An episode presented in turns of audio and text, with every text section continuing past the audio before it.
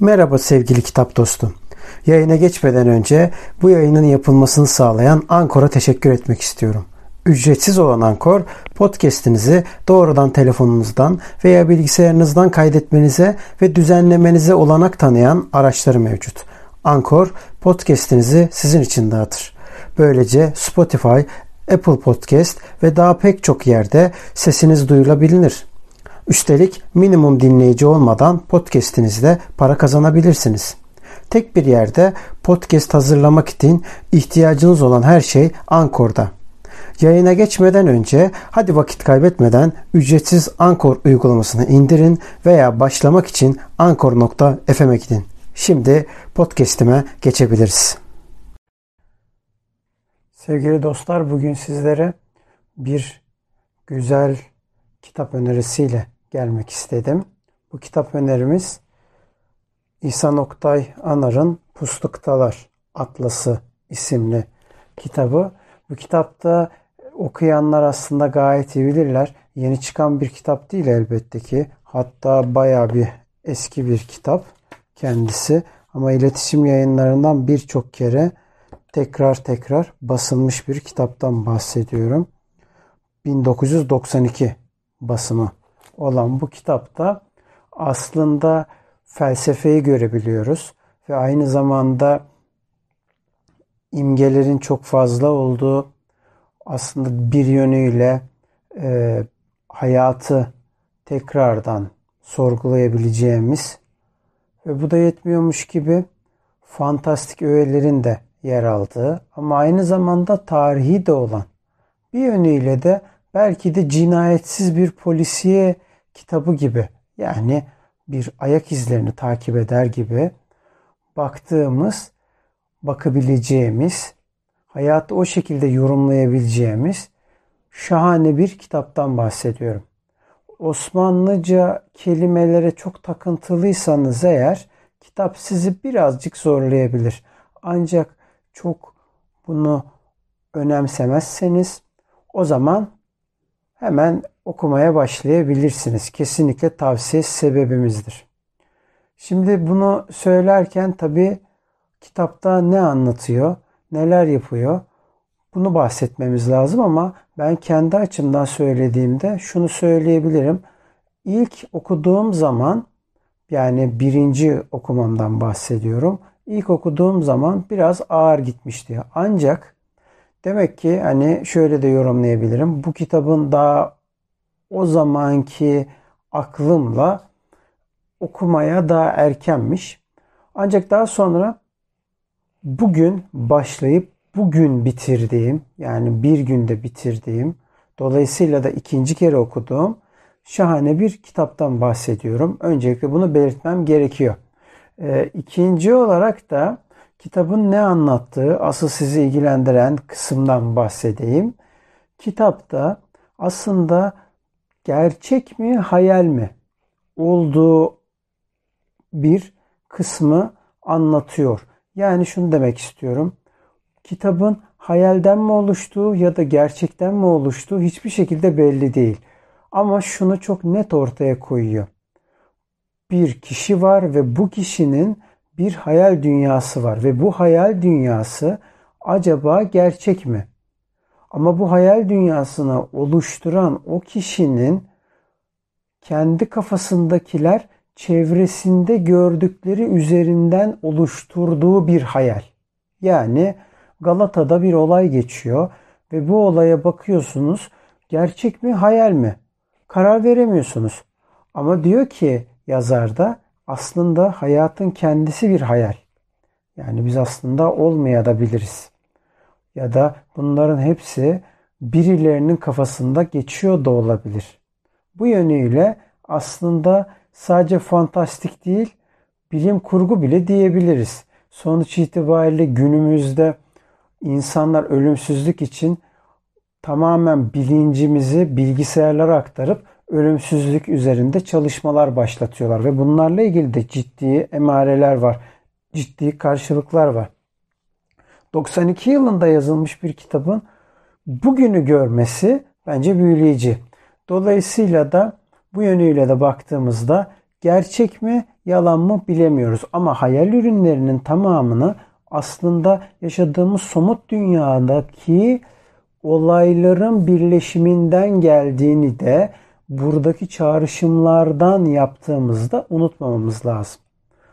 Bu video yayınlandığı zaman Refik Anadol videom da yayınlanmış olacak. Yukarıda da linkini göreceksiniz zaten. Oradan da tıklayıp tekrardan bakabilirsiniz. Orada mesela sanal bir dünyadan bahsediyor. Fotoğrafların aslında birleşip bir rüyaya dönüşmesi, sanal aklın bunu bir rüyaya dönüştürmesinden bahsediyor. Ama bu sanal akıl bunu yaparken neyden yapıyor? Fotoğraflardan yapıyor. İşte aynen burada da öyle.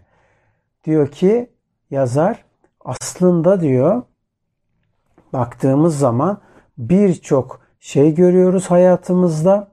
Ancak bu gördüğümüz birçok şey kendi kafamızda oluşturduğumuz, tahlil ettiğimiz, birleştirdiğimiz şeylerin bütünü bu hayal gücü. Umarım karışık gelmemiştir. Karışık geldiyse bu kitap daha da karışık yapacak sizin kafanızı. Bunun yanında eğer birazcık daha kitabın içeriğine inecek olursam eğer bir Yeniçeri çocuğumuz var. Bu Yeniçeri çocuğumuz aslında bir lağımcı. Lağımcı ne demek? Toprağın altını kazıp aslında kaleye girmeye çalışan birisi. Şimdi görünüşte böyle ama aslına baktığımız zaman bir zaman kaymasından bahsediyor. Bunun için orduyu bile hilelere karıştıran bir adamın aslında yapmış olduğu hataların bir bedeli olarak ordunun Sofya yakınlarındaki bir kaleye saldırmasıyla asıl hikaye başlıyor. Ve bu hikayenin beraberinde gelen daha sonra ne olacak acaba diye merak ettiğimiz bazı olaylar silsilesi geliyor.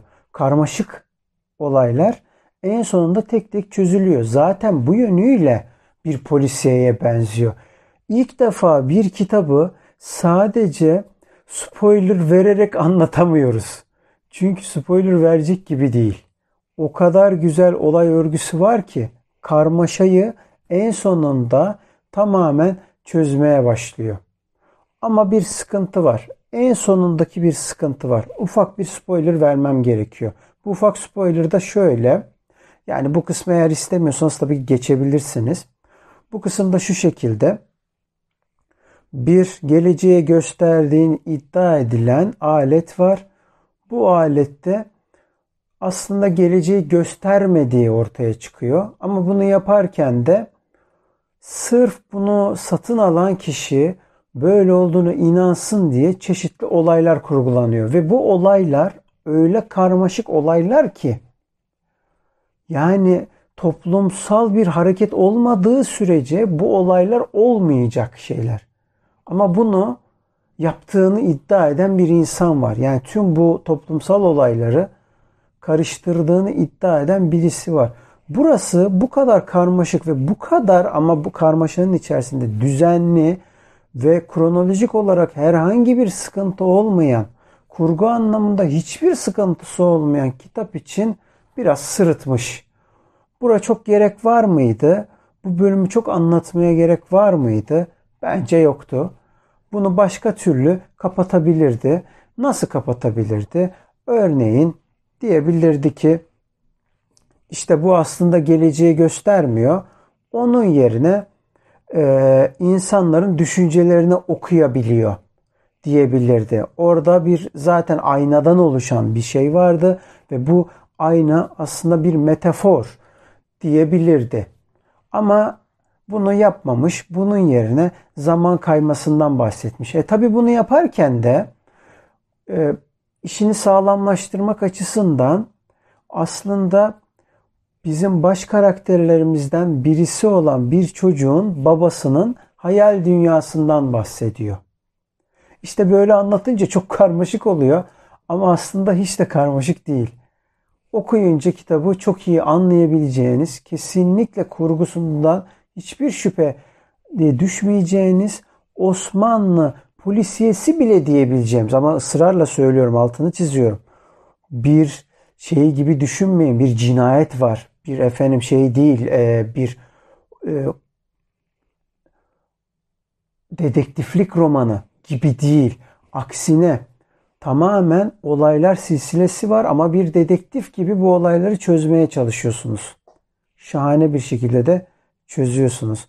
O yüzden İhsan Yanar'ın bu kitabını kesinlikle okumanızı tavsiye ediyorum. Bakın ikinci kere okuduğumda daha da güzel anladım. Hatta notlar tutarak isimler karışmasın diye yaptım. Kesinlikle tavsiye ediyorum. O yüzden bu kitabı alın, okuyun. Kitap ve dostlukla kalın. Gelecek videoda görüşmek üzere.